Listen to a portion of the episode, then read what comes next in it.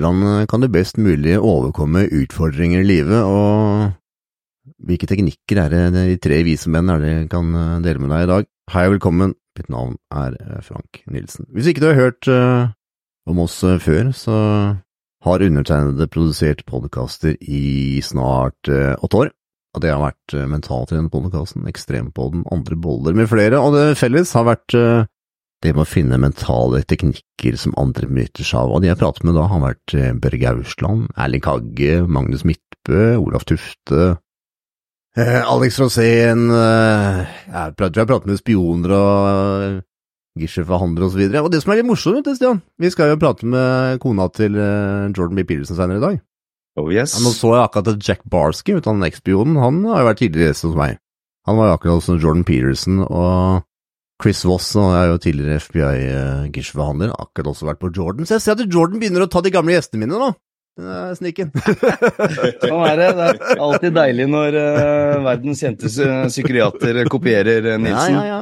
Nei, så det er jo på en måte det jeg har holdt på med i, i åtte år, i tillegg til å ha vært uh, metalltrener. så. Min røde tråd er på en måte å finne ut av mentalteknikker som de beste bruker. Og jo, du har jo vært min medprogramleder i åtte år. Du var jo kjent eh, for å, holdt på å si, revolusjonere Nav med ditt uh, kurs som var Tenke stort. I tillegg til at du har vært eh, foredragsholder og coach. Og Stian, du, du startet som eh, personlig trener for eh, et par år siden. 23 år siden nå. Og så ble du jo en av Norges fremste muskelterapeuter, og så har du jo nå jobbet eh, etter det med mer helhetlig helse og det mentale. Du jobbet med de fremste norske næringsliv. Og, det her har jeg ikke sagt før, utenfor forrige, du har jo jobbet med en av Kinas rikeste kvinner, du. Ja, Ja, jeg var heldig og fikk, eh, fikk hun som eh, klient. og det satte jo korona stopper for. Det gjorde det. Det var uh, hun og CEO for en av, eh, en av eh, verdens største legemiddelselskap, men så kom covid, da, så da bare ble det ikke noe mer av den uh, moroa. Nei, så hadde det vært det fortsatt, antar jeg. Og vi skulle jo snakke da om uh, utfordringen. Og bare for å si det, det podkasten her, så går vi gjennom et seriøst eh, tema. Avslutningsvis så letter vi tematikken av med litt morsomme ting. Så selv om eh, du kan tenke at noe kan bli litt flåste, så er poenget at her skal man liksom eh, lære ut av hvordan løse utfordringer fra tre forskjellige perspektiver, men så har vi også noe godt med humor i det. Og jeg spilte akkurat inn en podkast på Metalltrenerpodkasten, og det var med en som jeg kaller for verdens mest uheldige mann, for han er alltid uheldig uansett hva det er, så er han alltid uheldig. Og jeg husker første historien, så, så var han på backpackertur, jeg tror det var i New Orleans. Og der ble han rana, da, men eh, han raneren han syntes så synd på han, at han spurte om han skulle kjøre han til hotellet. On gunpoint. Så han takka ja til det, og han har hatt masse helseutfordringer, for han har blitt feilbehandla i norske helsevesen, dessverre. Og så hadde han måttet operere vekk mandlene. Så han eh, hadde jo da fått oksykantin da, for å klare å få håndtere smertene, for han sliter med kroniske smerter fra før. Og han og kona hadde vært gift i seks år, så han tenkte at eh, nei, nå måtte liksom, hadde de fått barnefyr og greier, så nå skulle det være litt uh, hyggelig stund. Så han har sittet på nett, da, han rusa seg litt, holdt jeg, i si, på Oxycontin, så blir det jo litt sånn uh, Tenker kanskje ikke så mye konsekvenser, så han bestilte seg da en uh, penispumpe. Og så fikk han den der i posten og greier, da. Tenkte han må nesten prøve den i forkant. Og han kom i posten, og han tenkte han skulle liksom være flink til å lese bruksanvisninga, og han leste bruksanvisninga, stod ja, punkt til at du måtte ikke kjenne smerter, altså fram til du fikk kjenne ubehag, da. Han glemmer én ting, det er at han har jo tatt Oxycontin, så han kjenner jo ikke så heller mye. Så han pumpa på med den pumpa, vet du. Han sier at her, ja, ja, dette funker jo, ikke sant, får testa pumpa. Legger seg, og så våkner han to timer senere, og må på dass. Så han går på dass, og så kikker han ned, og så ser han ned, så ser det ut som en, eh, som en rose, og så stilker han, og så har du rosebladet. Da har du rosa. Og da kjenner han jo panikken, og den sprer seg jo, ikke sant? Og han har jo slitt med plager i en del år.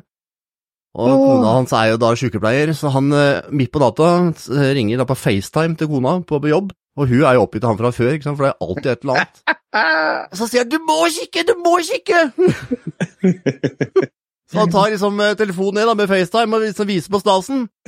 Og hun bare 'Å, hva har du gjort for noe nå, da?' Så prøver hun å forklare. 'Nei, men jeg, jeg kan ikke hjelpe så du må nesten ringe legevakta'. Ok, greit. Så han ringer til legevakta, og da blir han jo da møtt av ei ung dame, eh, som da er Som da tar en FaceTimen. Ja, han viser deg stasen og forklarer liksom hvordan dette har vært. Og han sier at hun sliter sånn at Å, fy fader, for en idiot. Sant? Prøver, prøver sliter sånn å holde seg seriøs. Han forklarer sier ja, men da, ja, men du får tisse, altså det går greit. Men du får ringe til, til, da, til din fastlege, hvis ikke det hjelper. Og dagen etterpå han får jo time hos fastlegen, og det er da en ny turnuslege, ung dame. Så han eh, kommer da inn, og så drar ned buksa, da. Og hun sitter og kikker og Ja, ja, ja, hun sitter og drar litt inn og Og prøver liksom å finne en, uh, ut av det mysteriet, da. Så det som er enden å vise, er at eh, han holder da i snabelen for ene enden, og hun driver og drar i den andre enden. For da har det vist seg at forhuden har da vrengt seg så mye bakover at hun må dra han tilbake igjen. Au! og så er det mye om menn, da. Så har han noe litt uheldig, så han kommer liksom ned på apoteket, og så har han fått antibiotika for at dette skal bli bedre, og så sier hun der eh, dama på apoteket at ja, men du, dette her er jo for, for øyer. Nei, nei, han skulle bruke den en annen plass. Ja, hvor skal du bruke den? Prater utover hele apoteket. Nei, jeg skal bruke den i annet, da! Jeg så måtte forklare dette greiene, ikke sant, han syntes dette var så flaut. Så kommer han tilbake til legen etter eh, en ukes tid, og så sier hun unge dama da at eh, ja, jeg tror kanskje ikke penispumper er noe for deg. Han bare Nei da, jeg har, eh, jeg har slutta med det. så det er liksom det der med å håndtere alle utfordringene, for jeg tenkte på dagens uh, samtale handler om det med å håndtere utfordringer. Mm. Og jeg personlig, iallfall, jeg kjente på flauheten når jeg på en måte hadde sittet der med snabelsvansen, først på FaceTime, og når andre sitter og drar i det, liksom, det er, jeg kjenner at det der er kjent på ubehaget med flauhet, altså. Hæ? Ja, uten tvil. Uten tvil. Så snakker vi om den mentale teknikker for liksom å overkomme utfordringer, altså. Så jeg Mm. tenkte jeg kunne sende ballen over til deg, jo. Hva, jeg har garantert at du har opplevd noen, eh, noen utfordringer eh, i livet. Og hvilken utfordring ligger da nærmest? Jeg vet jo at du har hatt noen baller du har vært redd for, så jeg vet ikke om vi skal fortsette å kjøre den gata der noen andre, noen andre veier. Ikke så ille som det der, men det hadde jo Det hadde jo emosjonelt press og push på meg, da. Det hadde vi jo. Men ikke helt i den kategorien der. Men jeg kan jo dele storyen, da. Jeg kan gjøre. Jo har vært mer forsiktig med penispumpene sine, for å si det sånn. ja, Stop warning. Ja, det var, jeg hadde en lignende opplevelse, men ikke i nærheten. Men det var egentlig det som var starten til at jeg havna i mentaltrening. Og det var det som egentlig kan skildre seg, for der visste jeg ikke noe om noe. Jeg var bare egentlig ung, naiv og redd. Og det viste seg at jeg, jeg flytter til Oslo, og så sitter jeg, eh, eh, så sitter jeg med kamerater så sitter de og prater om klamydia og shit. Og jeg hadde aldri hatt noe sånn. Jeg var veldig forsiktig. Nei, nei, nei det vil jeg ikke ha. Du bare hører skrekkhistorier. Og en av skrekkhistoriene var jo at eh, menn kan bli sterile uten at de veit det. Og jeg har jo hatt et ønske om å ha barn siden jeg var ung, så jeg tenkte sånn her eh, Ja, ja, men det skal ikke skje meg. Så går det en periode, og, og så plutselig begynner jeg å kjenne ubehag der nede. Og jeg veit ikke helt hva jeg skal gjøre med det, for jeg har jo ikke noen referanser, jeg har ingen å snakke med om det. Hva, hva gjør jeg med de greiene her? Så jeg bare lar det gå. Og En måned går, to måneder går, tre måneder går. Og når minimannen minimann driver og spytter ufrivillig, da ble jeg litt sånn Shit, hva fader er det som foregår her? Så jeg da snevrer meg bort til eh, nærmeste legevakt og setter meg der, og på veggen så er det en stor plakat som står det Menn blir sterile uten å vite det. Det her bør du vite om klamydia. Og så leser jeg, og det er ingenting med den som får meg til å roe meg ned. Det eneste som gjør at jeg får bare mer og mer kalde panva enn det er. Jeg blir bare reddere og reddere. Og dette var en sånn klinikk som gjorde at du kom inn frivillig, så du kunne sitte i tre timer og vente. Så jeg satt jo teknisk sett tre timer og titta på den plakaten og visualiserte, Når ikke jeg visste hva var da, men jeg så for meg de verste scenarioene. Så kom jeg inn til en lege som eh, var veldig ufølsom og spør meg spørsmål i forhold til ja, hva har du gjort, hvem har du vært med og sånt. Og så jeg, jeg veit ikke, jeg veit ikke, kan ta en test? Og så sa han ja, men her er greia hvis du har hiv. Her er greia hvis du har det. Det vil si at da må du gå opp med Han ga meg hel regle om hvordan livet mitt ville endre seg hvis tilfellet var disse tingene. Jeg hadde jo ikke engang tenkt noen av de tankene. Jeg var kjempe, jeg bare, Hva er det her for noe? Jeg, hva er det som skjer? Og desto mer de tankene begynte å eh, koke, koke opp i hjernen min, desto mer føltes det ut som jeg hadde disse sykdommene. Uavhengig av hva det var. Så da får jeg da en fin beskjed om at du får, en, eh, du får mest sannsynlig brev om to uker. Så jeg går hjem og går med totalt noia hele tiden. Eh, vet ikke hva jeg skal gjøre med det. Eh, veldig redd å studere også, er sosial med venner, men jeg føler at det hele mitt vesen jeg blir bare mer og mer tilbaketrukken. Tør egentlig ikke å snakke med folk om spesifikke ting. Jeg blir bare veldig sånn innlukka. Og så går tiden, og så får jeg da beskjed her er eh, resultatet, du har klamydia, ta de medisinene der. Så jeg tok de medisinene. En uke går, kjenner ikke endring. To uker går, en måned går. Til slutt så går jeg tilbake med fastlege og sier det her er det jeg hadde. Dette er forferdelig ubehagelig. Og det er enda ubehagelig. Så jeg ja, ja, men vi tar en test. Og Den gikk en par-tre dager, og så får jeg resultatet. Og det viser at jeg har fortsatt det. Så han sier at du har en sterk infeksjon. Og jeg visste ikke hva det betydde heller, så jeg sier ok, hva skal jeg gjøre nå? Du må på en ny antibiotikakur. Så jeg tar den. Og i periodene her så begynner da mine testikler de, Jeg visste ikke at det fantes tråder engang. Jeg ble veldig kjent med under, eh, undersiden min etter den tiden. Det er visst tråder som henger fast i disse testiklene, og de blei like tjukke som skolisser. Og de krølla seg, akkurat sånn som de der moderne skolissene på 90-tallet, hvor du bare dro i dem, og så sto spiralen ut. ikke sant? Så, sånn ble den kjennes ut, og så senes ut. Og desto mer jeg gikk med det her, desto mer smerte hadde jeg. Jeg ble bare reddere og reddere. og reddere. Og så går jeg tilbake til legen i en annen lege igjen, og vi sier nei, det er ennå ikke borte. På, de kalte det du skal gå på en hestekur nå. Og Jeg visste ikke engang hva det var heller, men jeg tar da en såkalt hestekur og føler meg helt for jævlig. I den perioden her så begynner jeg å føle meg en veldig lite mann. Jeg tror at jeg ikke skal få barn. Jeg tror at eh, jeg klarer jo ikke engang å ta på meg selv der nede. så Ikke bare røre meg engang. Jeg bare, det gjorde vondt. Så det gjør at jeg sitter tilfeldigvis med en kompis. Kaller det tilfeldig ettertid, så ser jeg at det var litt større enn så, men det føltes tilfeldig. Det viser han meg en video av NLP. Og Der var det da en person foran meg som bare tok på skulderen til en annen person, og den viste helt andre endringer, eller helt annen tilstand i ansiktet sitt, og følte seg så mye bedre på et sekund. Jeg tenkte dette er bullshit. Det der, kan, det der går ikke. Dette er jo skuespill. Så jeg begynte å søke mer på det. å legge meg til, hey, Det er jo noe, det er en teknologi, eller rett og slett en, en form for tilnærming til mennesker som er det sant? Og deretter begynte jeg spiralen om å begynne å lære meg om NLP. Jeg hadde lest én bok i hele mitt liv, en alder av 22. Og det var en eh, bok om en artist som jeg ble tvunget til å lese for å egentlig klare utdanninga mi. Etter det så begynte jeg å lese tolv timer hver dag. Jeg gjorde ingenting annet. Jeg bare satt og nileste, nileste, nileste, nileste hele tiden konstant. Uansett hva jeg gjorde, jeg klarte ikke å slippe den følelsen av frykt. Hva enn det var. Det var frykt, jeg vet ikke, det var bare terror i kroppen. Og den dagen det snudde, var når jeg hadde brukt over 10 000 kroner. Jeg var student. Jeg hadde gått til alle mulige spesialister. Eh, jeg dro på privat eh, sykehus, jeg dro til alle mulige vinklinger, og ingen hadde det samme svaret. Og ingen ga meg det svaret jeg ville ha. For det svaret jeg ville ha, var at alt går bra. Ingen sa det. Og alle kunne si ja, men du skal få barn, men det turte jeg ikke å teste. For jeg tenkte hvis jeg tester det, og det viser det motsatte, da vet jeg jeg skal gjøre. Så etter over 10 000 kroner, Finger opp i rumpa, kamera opp i rumpa, alt mulig rart. Prostata fram og tilbake. Det var helt total galskap. Til slutt så endte jeg med at ok, jeg får ikke noe svar der ute, hva kan du gjøre? Ok, Hva med en NLP? Hva er dette her for noe? Og så begynte jeg på en måte å gå inn i meg selv og legge merke til at ei, den derre frykten som dukker opp, den er ikke tilfeldig, den her. ass. Den sitter sammen. Akkurat som du har snø, du har en start og en slutt, og alt henger sammen. Så begynte jeg på en måte dissecte, eller gå inn og legge merke til hvem bilder er som kommer opp. Hvem følelser er som dukker opp? Hvor i kroppen sitter det? Hva er den interne stemmen som snakker til meg? Er det min, og i så fall, hvordan snakker den? Og så begynte jeg å åpne opp alle disse portene, og så en vakker dag så sitter jeg der med smerten i kroppen. 'Å nei, hva skal skje?' Hva, hva? Så jeg bare Fuck det her. Og jeg sa bare fuck det her, det gidder jeg ikke mer. Jeg orker ikke mer. Det har gått over et halvt år og hatt noia for noe. Jeg orker ikke mer. jeg gidder ikke. I øyeblikket jeg sa det, og det er helt finurlig, boom, så var smerten borte. I løpet av et par uker alle symptomer ble borte. Alt bare uh, tilbake til såkalt normale. Og jeg bare What the hell? Hva er det her for noe? Er det sånn helbreding? Er det sånn, uh, sånn her, hva er dette for noe weird shit? Jeg tror vi mennesker har litt mer styring og kontroll av hva som foregår i kroppen. Det er bare det at Hva er disse nøklene? Og deretter da den dypdykket som gjort at vi endte pengene på podkasten her i dag.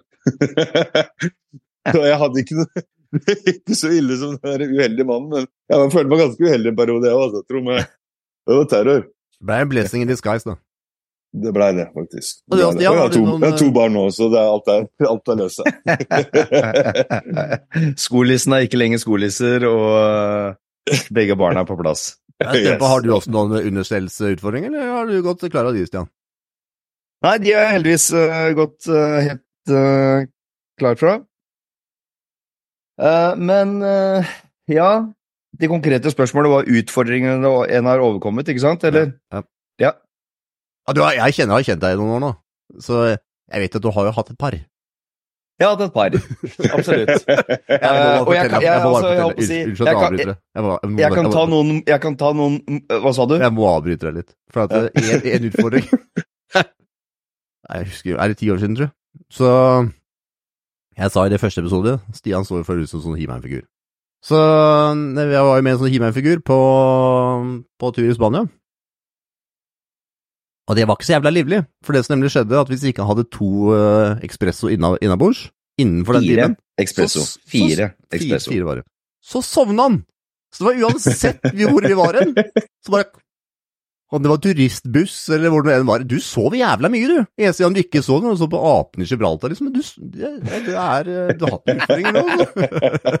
Det var ikke bare det, du stærte jo bagetten din der. Du kan tenke deg når når He-Man-figuren blir stært fra bagetten, da er han ikke så veldig fornøyd. Ja. Ja da, det er en av favoritthistoriene til Frank, det der. Eh, Det kommer igjen og igjen og igjen! ja, ja, det var juni 2010 vi var der, og så det begynner jo Herregud, tida flyr. Det er faktisk 14 år siden nå. Og ja, nei, altså, det var jo siste året eh, Det var eh, siste året som jeg hadde ME, utmattelsessyndrom. Eh, og eh, det er jo det, jeg håper å si det var nok i hvert fall en av mine første store utfordringer. Jeg hadde jo utmattelsessyndrom i, i godt over ti år, uten at legene eh, fant ut hva det var for noe. Det var jo bare i hodet mitt. Eh, men det var liksom ikke sånn som vi, som vi forstår at er mye i hodet. Du fikk bare den Nei, nei, nei, det, det er bare i hodet ditt. Og så fikk du ikke noen forklaring på hva det egentlig var. Fordi normale legetester, de viste jo ingenting, ikke sant? Et fullt blodpanel i gåsøyne hos fastlegen, det er ikke et fullt blodpanel. Det kan jeg love deg. Det er bare et helt sånn basic blodpanel. Så hvis ikke de finner noe der, så bare Nei, det er ingenting. Ok, så samme som Jo, jeg også kjørte jo masse forskjellig. Det var mange forskjellige leger, det var masse forskjellig alternativt. Og det gjorde jo, fra da å være den der eh, i hermetegn respekterte, anerkjente He-Man-figuren, ikke sant, som på en måte så sånn ut, og som sagt dreiv med kampsport og var dørvakt og var PT og bare liksom sånn I got my shit together. Eh, selv om jeg da hadde blitt mer og mer og mer og mer sliten fra år til år, så endte jo det med sant, at jeg drakk jo mer og mer og mer, og mer kaffe. Jeg begynte jo med det som heter stack fatburners med, med efedrin, og som gjorde at jeg måtte stimulere systemet mitt mer og mer for å klare å studere, for å klare å trene, for å bare klare å fungere normalt i det hele tatt. Eh, og til, altså, når du ser da ti minutter etter, så nei, ti minutter faktisk, hadde det vært så vel, så hadde det vært deilig. Ti år etter så, så fant jeg ut at eh, ok, det er det her jeg hadde noe som heter aktivt Epstein-Barr-virus, som jeg mest sannsynlig hadde fått fra en kyssesyke. Elleve. Ti til elleve år tidligere. Og da eh, skjønte jeg jo det at ok, så det med å ha foten på gasspedalen og skulle på en måte være perfeksjonist og ha i hermetegn suksess innen alle livets områder, det går ikke. Det er noe som heter balanse.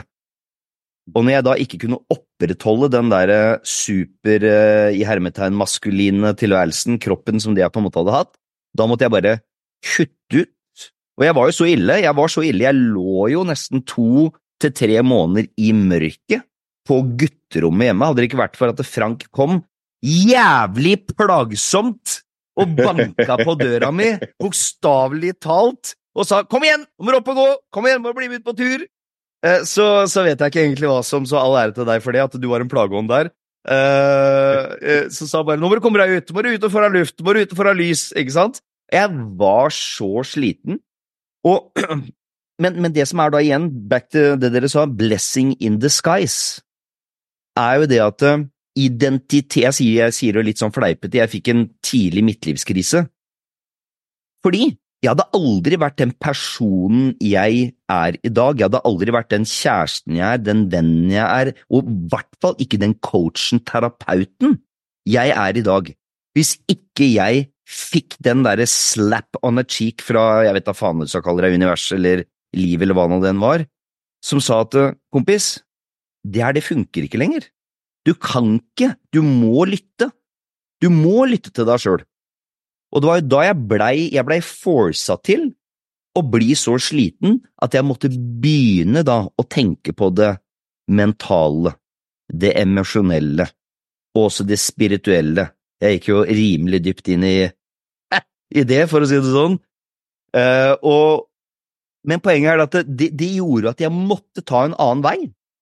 Og så skifta jeg fra PT, ernæringsterapeut og nevromuskulær akupunktør, når jeg da fikk kurert meg sjøl for, for de greiene her i løpet av et par års tid. Og da begynte jeg, ikke sant, da hadde jeg begynt å meditere, tai chi, qigong, begynte å lese psykologi og selvhjelpsbøker, ikke sant? Og så kunne jeg da faktisk bli en bedre coach og en bedre terapeut, og som jeg sa, et bedre menneske generelt sett, for nå hadde jeg jo også empatien og sympatien for mennesker. Nå visste jo jeg hvordan det var å bokstavelig talt være i under kjelleren, for å si det sånn, ikke sant? Um, og, og, og så, så, så, det var den første sånn ordentlig, skikkelige runda. Men igjen, masse kunnskap, masse visdom. Nå in hindsight, superglad. Og jeg hadde jo mentalt sett kommet meg enda fortere tilbake på beina og fysiologisk, og hadde jeg kunnet alt det jeg kan i dag. Men jeg kunne jo ikke alt det da. Det, det var jo en lang læringsprosess. Er ikke de fleste ting som blessing in disguise, da? Jeg husker jo selv når uh, panikkangsten kom i 2010, og de husker du, Stian, jeg var jo i Spania og skulle til Gibraltar, og kommer halvveis til Gibraltar, og da opplever jeg å få hjerteinfarkt for andre gang, for det hadde jeg på en måte hatt et år tidligere. Mm. Og jeg er sikker på at det skjer, og det som er så sjukt, denne panikken slutter ikke heller. Så det var jo Mm. konstant 24-7 uansett hva det var. Det bare ble trigga nye ting konstant hele tiden, og dette, vet du, det pågikk jo i Ja, tida går fort, men uh, det var jo så ille, Stian, at jeg kunne jo ikke sitte i min egen eh, stue. Jeg gikk jo rundt i ring, ikke kunne jeg kjøre bil heller.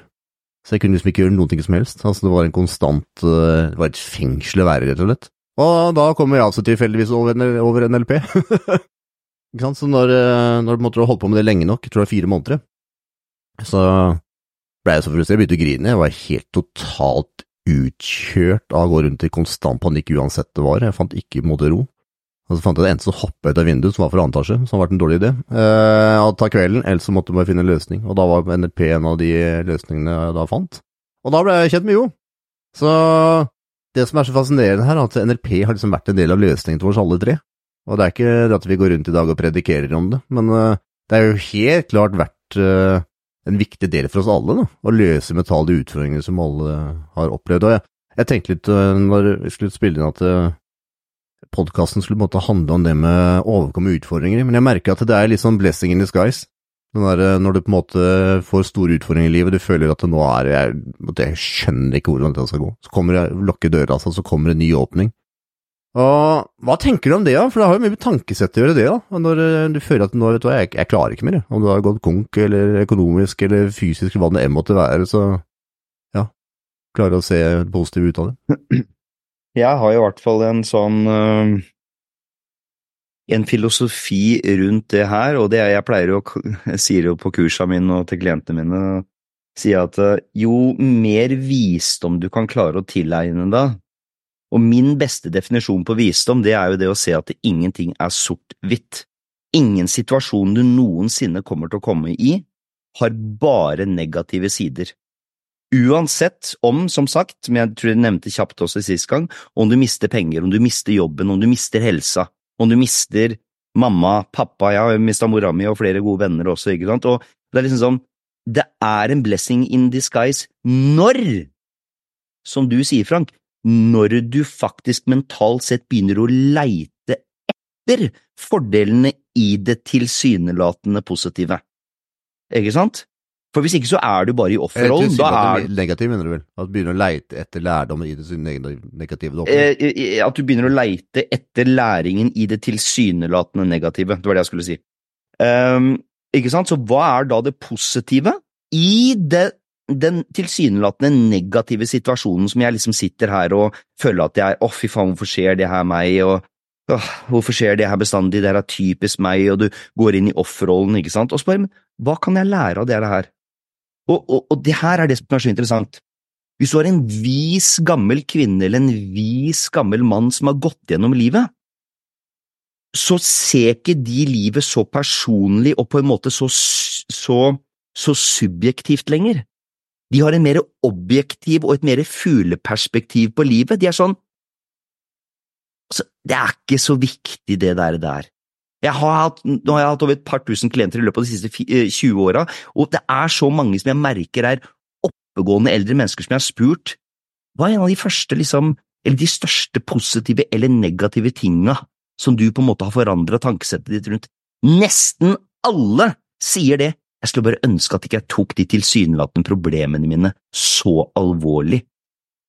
Jeg skulle bare skjønt at livet mitt liksom, Livet er ikke i veien, livet er på veien. Det her er bare noe som skjer, på en måte. Jeg bør ikke definere meg sjøl, livet mitt, ut ifra de tinga her, og det jeg da sier, min filosofi er, du kan bli en vis gammel kvinne og en vis gammel mann uten aldringsprosessen. Så jo fortere du finner det tilsynelatende positive i det Nei, unnskyld, så jo fortere du finner det positive i det tilsynelatende negative, jo visere blir du. For visdom, definisjonen på visdom, er jo faktisk å gå fra sort-hvitt til en gråsone. Og siste greie nå, uten at jeg skal skravle altfor lenge her, hvis du setter noe på en pidestall, noe du tenker å, hvis jeg bare kunne blitt mangemillionær, hvis jeg bare kunne blitt verdens mest suksessfulle coach, da hadde jeg vært lykkelig. Vel, det er også en mental illusjon, for hva er baksiden av medaljen ved det? Nei, nei, nei, det er ikke noe bakside ved medaljen med det, masse penger, herregud, Hå, nei, da skulle jeg klart alt sammen, da hadde jeg hatt suksess, hadde jeg fått applaus, hadde jeg fått anerkjennelse, uh, da hadde livet vært… Nei, nei, nei, nei, nei, nei, nei, nei, ikke sant, så jo mer du bryter de negative illusjonene, og jo mer du bryter de tilsynelatende positive illusjonene, jo mer vil du være present og faktisk være robust og kunne leve livet ditt her og nå. Så, ja. Mm. Jeg er enig. Og det som også er interessant, er at det, vi har jo vi er, Samfunnet vårt er strukturert sånn at vi blir rewarded, eller vi får anerkjennelse og positive tilbakemeldinger hvis vi greier å produsere resultater som resulterer i penger. Mm. Eller resulterer i å hjelpe andre, eller resulterer i å eh, få andre til å føle seg bedre, eller hva enn dette skulle være. Men det som er så utrolig fascinerende, er at hva hvis, når du skriker på noen, mm. som du tilsynelatende for det mennesket ville bli anerkjent som en jævla drittsekk, men kanskje det er akkurat den lille pushen de trenger for å på en måte begynne å tenke nye tanker og sånt. Så jeg har en litt sånn holistisk Jeg bruker det ordet holistisk, jeg er ikke så fan av det heller, for egentlig har jeg ikke det, men jeg ser veldig stort på ting. eller jeg ser veldig fra fugleperspektivet. Ja, helhetlig.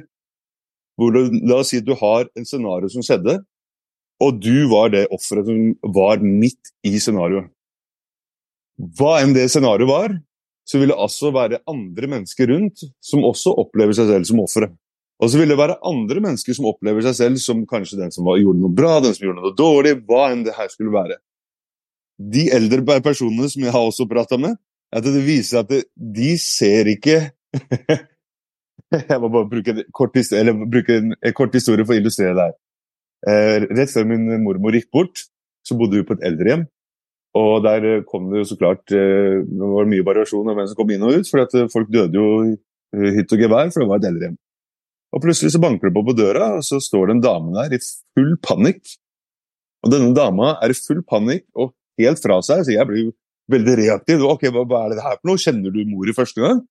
Og så sier mor ja, det, det er naboen min. Og så sier hun kan jeg få lov til å låne telefonen din?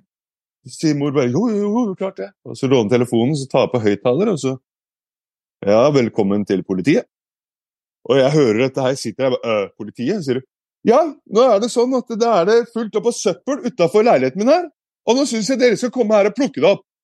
Og jeg tenker jo full, jeg får helt paranoia. Jeg ringer politiet fra min, min mormors telefon? Jeg sier, Mor, gjør noe, hun sitter der paff. Jeg sier ja, det er masse søppel. Det ligger, ligger eh, bord utenfor der. Det ligger suppa sopa utenfor der. Og så sier en person «Eh, ja, men hva skal vi gjøre med det? Ja, men jeg ringer dere for å få hjelp her. Jeg kan jo ikke bære dette bort sjøl.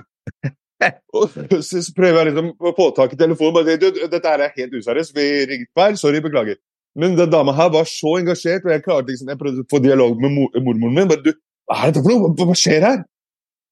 Og så til slutt så kommer spørsmålet, etter en lang sånn rant på par-tre minutter, føles som en evighet.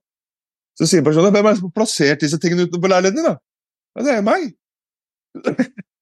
Den dama her har da kasta møblene over der og forventer at noen skal plukke det opp. Her er greia som jeg tok fra det. Jeg har jo aldri ringt til politiet. Men jeg ble sånn wow! Tenk å ta livet så lett. Mange ville kalt det idiot, tulling, forvirra. Jeg ble inspirert. jeg tenkte, Tenk å ta livet så lett, da. At du kan bare kaste ting utenfor leiligheten din. Etterpå ringer du politiet og krever at de skal plukke det opp. og dåret ditt. Og ikke nok med det! Når hele scenarioet er ferdig, så får du ikke én gang trøbbel på det. Fordi du var bare så godtroende i situasjonen at nei, nei, men da, da, da var det feil. da. Fikk ikke noe bot for at du oppholdt borte. Ingenting, noe sånt. og Det bare, alt bare fløyt videre. Og da bare lærte meg at wow, mange eldre, ja, vi kan se på dem som rare skrullinger, noen av dem. Men fy fader, for det connection de har til et øyeblikk. Så vi mange andre har veldig mange regler på hvorfor det skal skje, hva skal skje, hvordan det skal skje, alt det der. Hvis de kan bare hoppe rett i det og bare ta det som det kommer. Så, sånn som jeg nevnte i forhold til det å se mennesker eller se situasjoner helhetlig, i det øyeblikket der, det skapte en stor respons i meg. Mormoren min var litt mer sånn forfjamsa. Den dama her skapte, hadde en intens opplevelse. Politimannen på andre siden kan garantere deg følte at oi, livet er ganske humoristisk. ikke sant? Så det er kanskje i et øyeblikk hvor kanskje Vi vet jo ikke siden, andre siden av mynten for den politimannen. Kanskje den sitter der og egentlig har en helsikes dårlig dag. Kanskje sitter og stresser, har det jævlig dårlig. Altså, I et sånn muntert øyeblikk greier hun å på en måte gjøre hele dagen med en historie han kan fortelle resten av livet. Bare et eksempel. Og Der kan man se at alle disse rare dynamikkene Jeg har sagt det så mange ganger. Hvis du tar et menneske jeg nevnte sist òg, putter dem i et vakuum i et rom, hvem er det mennesket? Det er bare et vesen i et rom. Men du må putte en annen person siden av for å putte en referanse til hvem han er, hva han er, hva han føler, hvordan han er. La oss si du sitter og har det kjempedårlig med deg selv, men du ikke veit hva dårlig betyr. Du har ingen referanser. For eksempel, jeg har sett veldig mange dokumentarer hadde veldig øh, sterkt ønske om å reise til Afrika tidligere. Bare for å se hva er dette her. og nesten litt sånn at du, Det høres jo øh, rart ut, men jeg ville bare se, hvordan går det an å være så fornøyd med så lite? Og de fleste tingene jeg ser hver gang, at det, de skaper glede i situasjoner, selv om de bor i et, noe som vi ville kalt eh, et skjul, eller noe dårlig, noe negativt. De har ikke den innstillingen.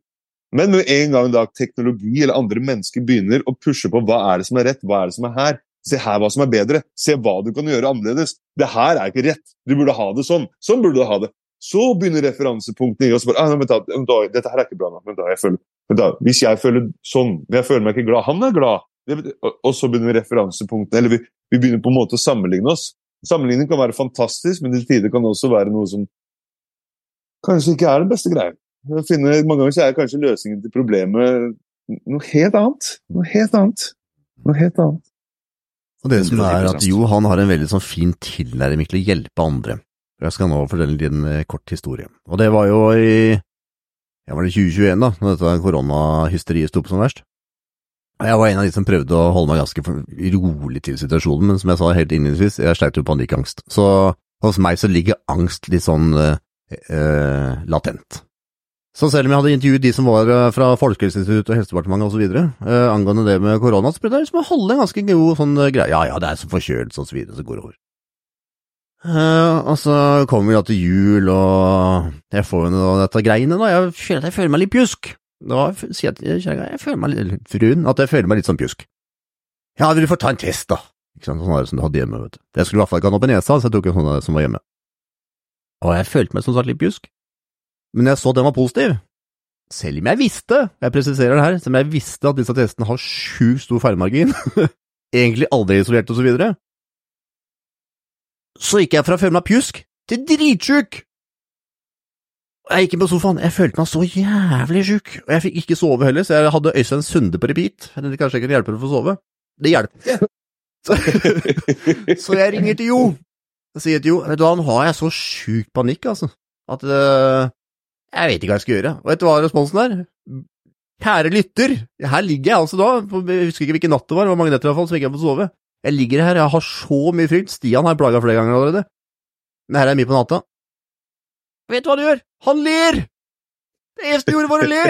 Det gjorde ikke noe annet, det var ikke noe tips, det var ikke noe råd, det var ikke noen knivteknikker. Han bare lo av full hals! Så ja, jo, du skal ha for å å trigge ting hos andre, for det var hjelpa han fikk. Han lo. Det var den største kontrasten til stage shame som bare kom på der og der, liksom.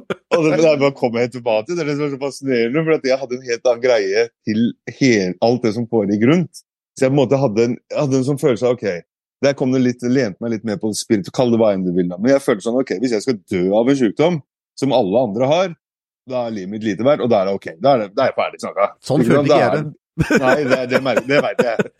Jeg veldig, jeg tok det så lett. Jeg tok det sånn, ok, Men skjer det, så skjer det. da. Det er, hvis, hvis, hvis du skal skrive et skript, og Joe er midtpunktet som jeg er i mitt liv, og han døde av en busemann, da, da er det sånn det var, da. Jeg bare innefant meg med det. Men han kan ikke innfinne seg med noe sånt. Han ringer meg. Så klarte jeg, og Det skjedde jo også mye gjennom at jeg gikk gjennom en sterk prosess i forhold til det med meditasjon og sånt, så jeg hadde jo på en måte kanskje ikke tenkt tanker på flere timer. Over lang, lang, lang tid. Så når du da kom med disse tankene, så var det akkurat som at det makes no sense. Jeg, hadde, jeg klarte ikke å forstå hva du pratet om. Du sa 'Men er det virus i kroppen min?' Ja, eh, hvor er det viruset? Ja, men det er i kroppen. min. det går utover lungene mine. Så Hvordan veit du det? Ja, men jeg, jeg veit det, det står det på. Hvem sa det? Ja, men de sier det. Til slutt bare Ok, så noen sier noe, og det er det du har? Faen, hvor egoistisk er ikke du, da? Sitter du og tror at du er så heldig at du får akkurat det andre snakker om? Ditt liv er helt unikt. Helt unik kropp. Du løper rundt i universet her. Altså det noen snakker om på en skjerm, det er det du har fått! Fy fader, ass, jævla tulling. Så jeg fikk en følelse av at dette er bare tull. Men i ettertid, ja da, jeg landa litt. Jeg ser på andre sider. Men der og da, det var innstillinga mi. Du har sett, «Å, men du, jeg føler meg sånn, ble ja, så bra, da. Ja, men hva hvis jeg dør? Ja, men jeg er her, mener jeg. Men det skal sies sånn, at du landa jo. Ja da, jeg gjorde det. Eh, så det, det det, jo, jeg, tror at jeg tror kontrasten var jo sånn at Eller jeg tror den, i hvert fall effekten av det var jo at det, hvis en god venn av meg sitter og ler sånn her Først og fremst er jeg fienden. Din jævel. Men etter hvert så blir det sånn her, ok han, Jeg stoler på han, og han sitter og ler så mye. Ok, kanskje det er noe i meg Du tar det litt for seriøst. ikke sant? Kanskje åpna noe sånt noe, jeg vet ikke, men det virka sånn over tid. For jeg skal være helt ærlig, Der var det ikke jeg som lo. Det var det som var så sjukt. at det føl... Jeg veit jo at kroppen min lo, men det var ikke sånn at jeg satte meg ned og tenkte jeg, «Ah, nå er det... det bare kom helt spontant ut av meg, og det skjedde jo gang etter gang etter gang etter gang. Hver eneste gang. Og det er jo det som kan sies at ok, hvordan løse en utfordring. En av de tingene som kanskje kan være greia, er jo kanskje tiltrekke seg eller være i nærheten av folk som kanskje ser lyst på ting. Da. Så hvis man er den som faktisk er veldig flink til å finne det negative, noe som kan være fantastisk i å løse problemer, løse algoritmer, hva enn det skulle være, kanskje da i øyeblikket ta og finne en som er litt mer lettsinnet. Så hvis barna mine er med mennesker, så vil jeg gjerne promotere at de er med de liksom, som, ikke som er slemme, men kanskje de som er litt fjollete. Så Desto mer latter, desto bedre blir det, tenker jeg. i noen form. Ikke at du skal være ignorante, men i den alderen der skal de gjerne være det, for de er jo det allerede. Men som for voksne mennesker, at vi kanskje finner Sånn som du prøvde, Øystein Sunde. Eh, det var jo av et ønske av at du skulle kunne le og ha det gøy. Men hvis du er i en så desperat tilstand, tror jeg du må først ha den i stua di for at du rett og slett skal få en endring sånn sett. Eller på en jævlig svær VR-skjerm, liksom. ja, ikke sant? Men det er ganske interessant, da, for det som var eh, i forkant her, at eh, jeg har jobbet med metaller i mange år. Jeg hadde tenkt at det her er ikke farlig, videre, men, men den underliggende, på en måte. Man har fått liksom frykten, og det her er det viktig å få med seg disse dager. Når frykten er blitt printa så mye inn i deg ubevisst over så sjukt mange ganger fra alle kanaler over tid, Mm. så kan du på det bevisste plan si at nei, dette går greit. Men den underliggende frykten og den påvirkningen, den tror jeg er mye sterkere enn det vi klarer å innse at den faktisk er. Ja. Og her kommer og her kommer jo også det her med det her med med spørsmål inn, ikke sant? Så en kommer ut av den, for ikke sant, sånn som 90% av all angst er jo urasjonelle eller irrasjonelle tanker. Ikke sant? Det er en historie som vi tenker på. Og her kan vi bruke det som vi for eksempel bare Ikke at det har noen ting å si for lytteren, men innen NLP så har vi jo noe som heter metaspråk, der du er veldig spesifikk, du finner detaljen. Som andre ord, ikke sant, du er sånn Jeg er redd for å Jeg er redd for å um, Jeg kjenner angst. Ok, hva, hva er det jeg egentlig spesifikk er redd for? Uansett om det er angst, uansett om du er redd for å miste penger, redd for å miste jobb, redd for å få kreft, redd for å og, og bare redd for angsten i seg selv, ikke sant? Så hva er det helt spesifikk er redd for? For sinnet vårt, egoet, elsker å bare lage en hel sånn historie ut av det greiene her, ikke sant? Og det er som jeg sier til folk, ta deg gjerne tid til det før du får angsten. Ja, gjerne ikke når midt under der. Det, ikke sant? For det funker jo ikke. Men det er jo det som er problemet til de aller fleste som har angst. Se, og det bør ikke være panikkangst, det kan bare være angst. De som er nervøse, redde, engstelse. Det finnes mange tilnærma synonymer for angst, ikke sant? Og så sier jeg, ikke sant, angst er jo alltid, uten unntak, en tanke om noe som kommer til å skje i framtida, som kommer til å gi deg mer tap enn vinning. Mer utfordring enn støtte. Mer motgang enn medgang. Du, du, du kommer til å enten få en sykdom som du ikke vil ha, ikke sant? Eller du kanskje kommer til å miste noe du vil ha. Jeg mister livet, eller jeg får en dødelig sykdom. Ikke sant? Men det er alltid en tanke om noe som kommer til å skje i framtida. Og da kan du faktisk tenke ok, men hva er det helt spesifikk? Er jeg egentlig redd for, ta et eksempel, for det, det var et, et, et scenario i mitt liv. Jeg vokste opp med en mamma som hadde kreft tre ganger, så for meg, som bare for å dra det tilbake til det du sa, Frank, for meg så ble det en underliggende programmering at jeg kom til å dø av kreft. Jeg kom til å få kreft. Mamma hun døde jo ikke av kreft, hun døde av en tragisk bilulykke, men, men, men der hadde jeg den biten eh, programmert inn i meg. Og så gikk jeg og tenkte, men hva er det egentlig jeg er redd for? Hva, liksom, hva, hva er det jeg egentlig spesifikt er redd for? Og så så jeg for meg at jeg lå der aleine på sykehuset og bare råtna på en måte til og, Og det var den der ensomhetsfølelsen man skulle visste at jeg kom til å miste livet. Så ok, men hvorfor er jeg egentlig redd for å dø? Og så det- Nei, så Og da hadde jeg noen sånne rare, underliggende greier i psyken min om litt sånn karma, kanskje jeg ikke har vært snill nok, kanskje det finnes et sånn slags kjipt åndelig plan, kall det helvete, da, som jeg kanskje må komme til, eller kanskje ikke det er noen ting, kanskje det bare er sort, kanskje, kanskje, kanskje det er som å bare ha en drømmeløs søvn. Men så tenkte jeg, ok, men hvis det er det, er det kjipt da? Hvis det bare ting er over, hvis jeg bare, ja, drømmeløs søvn, det vil jo ikke ha noe å si, er det egentlig noe jeg er redd for? Nei. Nei, og så er det det med det himmel og helvete, da. Er det noen som egentlig vet? Eller er det bare en historie vi har blitt fortalt opp gjennom tidene, om at hvis ikke du følger de kulturelle og religiøse normene, så kommer du til helvete, gutten min. Da kommer du til å bli straffa. Og karma er jo bare det samme, det er bare at det kommer fra Østen istedenfor mer fra Vesten, ikke sant? What goes around comes around, årsak og effekt. Og så begynte jeg da å gå helt spesifikt, ja, men hvem er det som har fortalt meg det? da? Nei, det var jo farfar fra Frikjerka, som jeg ble fortalt at jeg kommer til å komme til helvete, liksom. Og så, ja, var- han noe altvetende filosof? Visste han egentlig hva han prata om, liksom? Nei, han gjorde jo ikke det. Og da begynte jeg å debunke og stille meg sjøl bevisstgjørende spørsmål rundt det her. Er det egentlig helt sant? Ja, jeg tror det. Ja, Stian, men er det en objektiv sannhet? Er det egentlig sant? Nei, det er det jo ikke. Nei, men hva får den tanken deg til å føle? Nei, jeg blir nervøs for å dø. Ja, hvem hadde du vært uten den tanken, da? Hvis den tanken ikke hadde vært der i det hele tatt? Nei, da hadde jeg ikke vært redd for å dø, da. Nei. Ok. Så, så, så igjen, nå ble det en jævla lang digresjon her, men poenget er at det, alt er tanker, ikke sant, som setter i gang hele mølla, liksom. Mm. Jeg har også lyst til å hoppe inn med noe der. for dette det, noen mennesker, Jeg snakka med en kamerat som kommer på besøk her etterpå. og Han eh, definerer tanker ved stemmen i hodet hans. Og Det er det eneste han refererer til tanker. Så han sier jeg tenker, og jeg har prøvd å gå litt dypere for å forstå litt hva han mener, men han sier det er en dialog i hodet, og det er som regel hans egen. I hvert fall sånn han hører det. Eh, for meg så er tanker visuelle bilder. Mm. Klare, tydelige bilder. in- Erindringer som er eh, kobla, ikke bare bilder, men det er veldig direkte kobla til en emosjonelt innprint. For andre mennesker jeg snakka med, så er de ikke bevisst over tanke, eller ikke bevisst over eh, visuelle bilder eller stemmer. Det kommer fram en sensasjon i kroppen, en følelse som de kaller det. Eller 'jeg føler det, jeg føler ditten, føler datten', hva enn det er. Men alle disse elementene er jo der.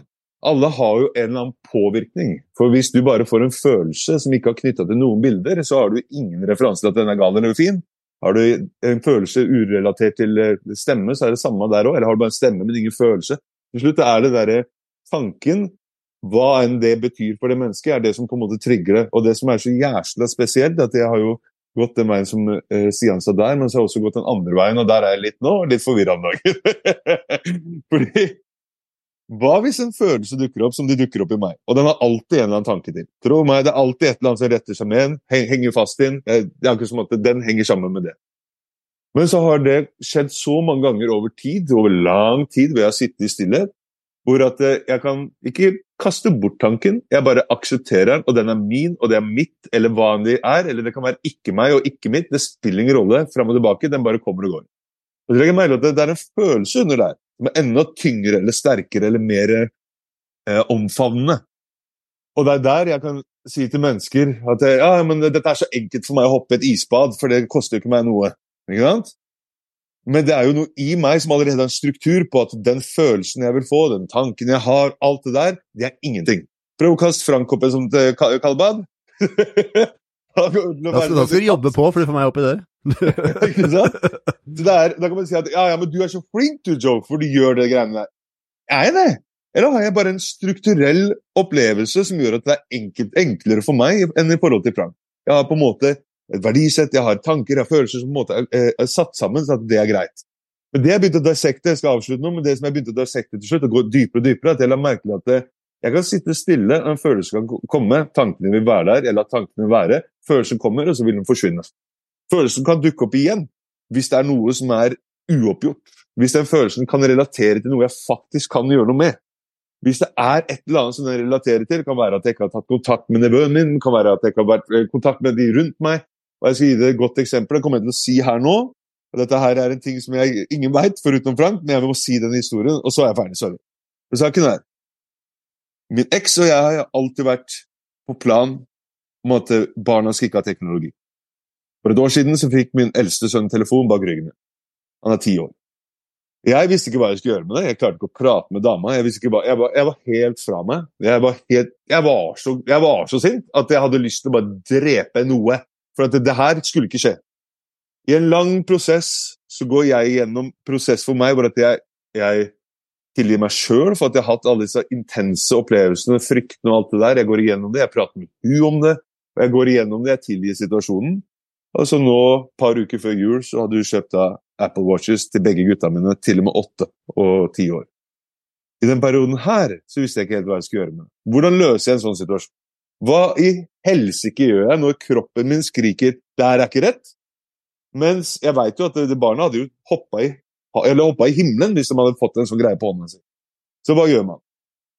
Det som var så fascinerende, at eh, jeg fulgte bare hva som kjentes rett. Og det er det jeg driver og prøver å finne ut om dagen. Hva i all verden den der currenten, den, den strømmen er. For det føltes ikke bra. Det føltes rett. Så jeg da kjøper tilbake de klokkene, for de var kjøpt uten at man kunne bytte dem. Så jeg måtte kjøpe tilbake de klokkene. Alle pengene jeg skulle kjøpe julegave for, var nå låst i to klokker jeg ikke fikk solgt. Jeg stolte på følelsen i kroppen min. Tiden gikk. Tre dager. Og så sender jeg da den artikkelen jeg lagde på Finn, til nevøene mine. Nevøen min sier 'hei, la meg kjøpe den', da. Så kjøpte de to klokkene til han seg, seg selv og dama. Deretter har jeg nå god kontakt med nevøen min igjen. Etter tre år har jeg hatt veldig dårlig kontakt, men jeg har jo tatovert dem på armen min, så de har jo vært hjertet mitt fra de var små. Det har vært en distanse der, for det har vært veldig vanskelig å komme i kontakt med dem fra min side, for jeg veit ikke helt hvordan jeg skal forholde meg til dem, siden de har blitt så gamle.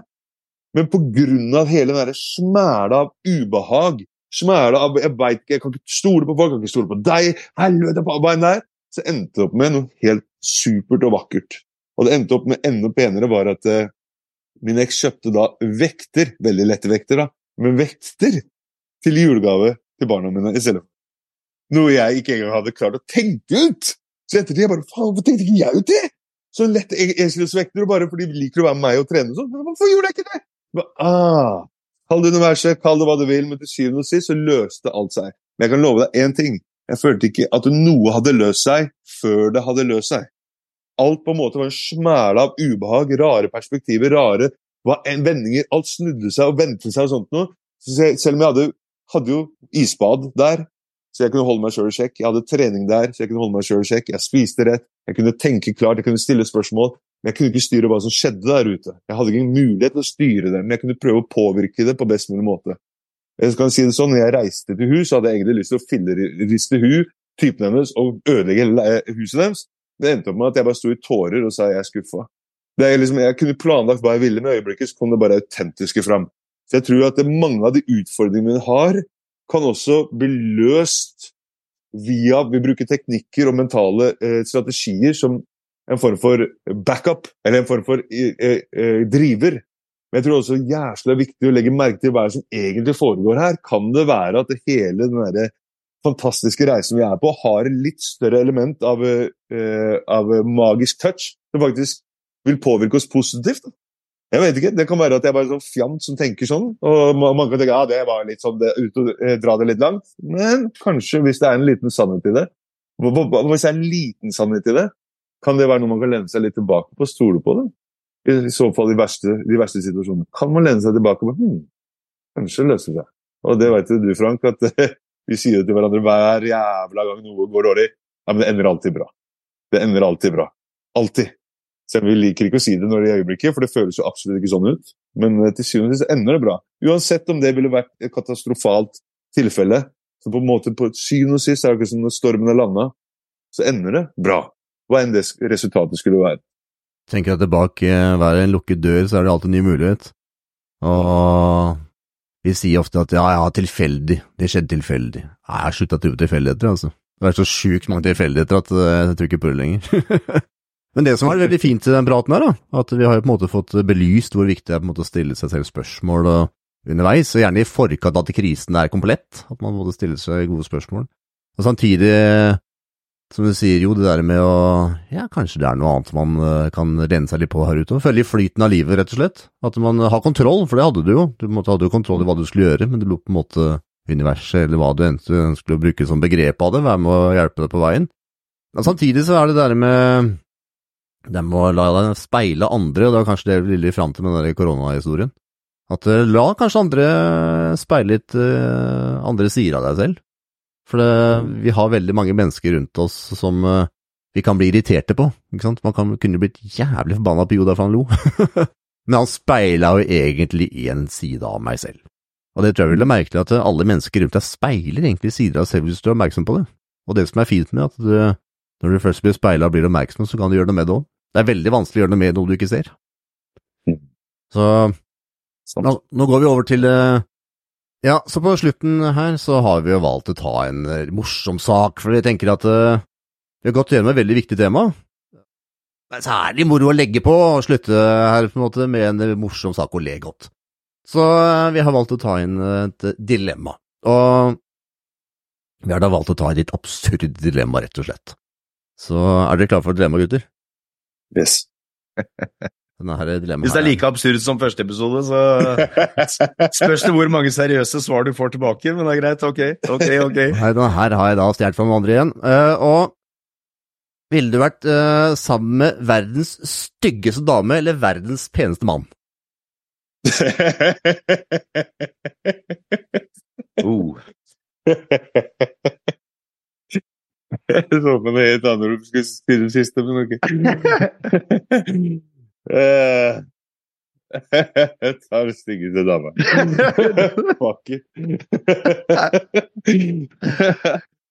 altså, ikke at det er noe som helst galt, og virkelig, det mener jeg. Uh, ingenting med de som prefererer samme kjønn. Uh, langt derifra. Nei, men absolutt ikke.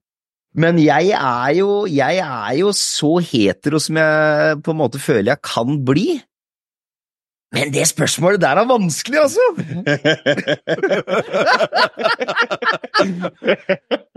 Det der må jeg faktisk Det der tror jeg ikke jeg kan svare live på, skal være helt ærlig.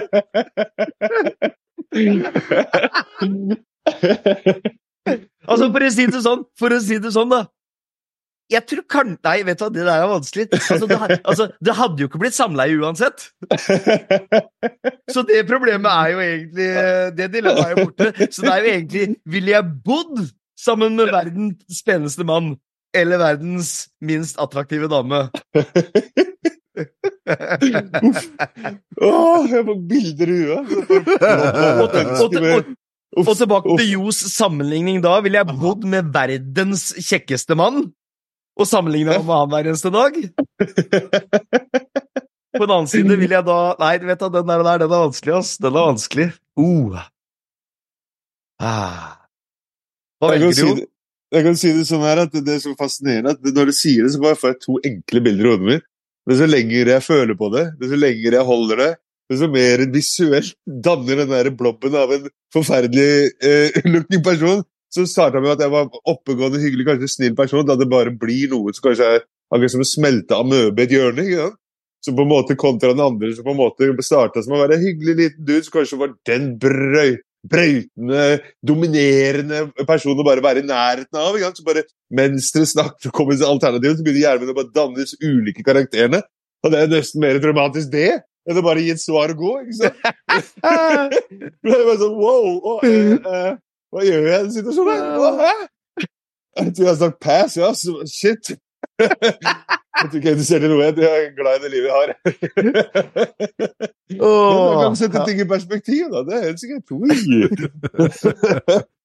Nei, og jeg har jo da valgt å låne svaret for langkjøring, og han hadde jo ganske fin svar på den. Og det var jo det at eh, han hadde da valgt eh, verdens peneste mann, og hans årsak var ganske enkel, og jeg likte den. Det var at eh, han hadde jo aldri blitt kvitt verdens styggeste dame.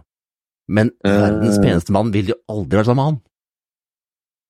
Så likte det perspektivet, og ja, grunnen til at jeg velger disse litt absurde dilemmaene, det er at du får perspektiver, vet du.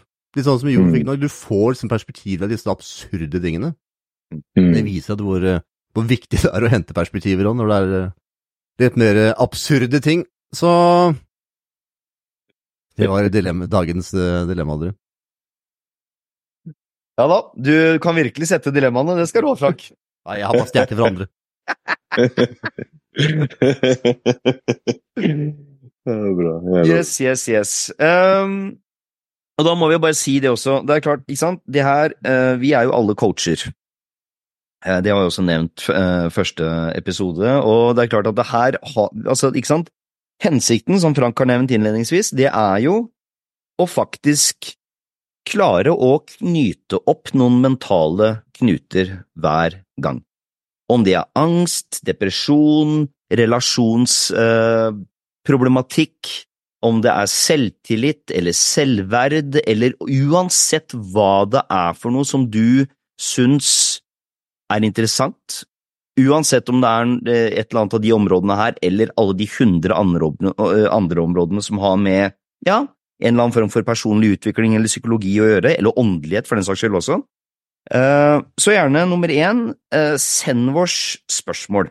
Til Eh, det er noen- Ikke sant? Det er nummer én. Men så skal det også sies, da. Som sagt, vi jobber som coacher og foredragsholdere og podkastere, så i stedet for å faktisk, eller i tillegg til for den saks skyld, å ta kontakt med oss og bestille timer, så får du faktisk muligheten her da til å kunne få jobba med din mentale knute, ditt problem, ikke bare fra kun fra Yo eller fra Frank eller fra meg, men du får jo da faktisk alle tre personers perspektiv. Og det tar tid, det tar energi, og tro det eller ei, det koster faktisk penger også skulle holde disse podkastene eh, i gang.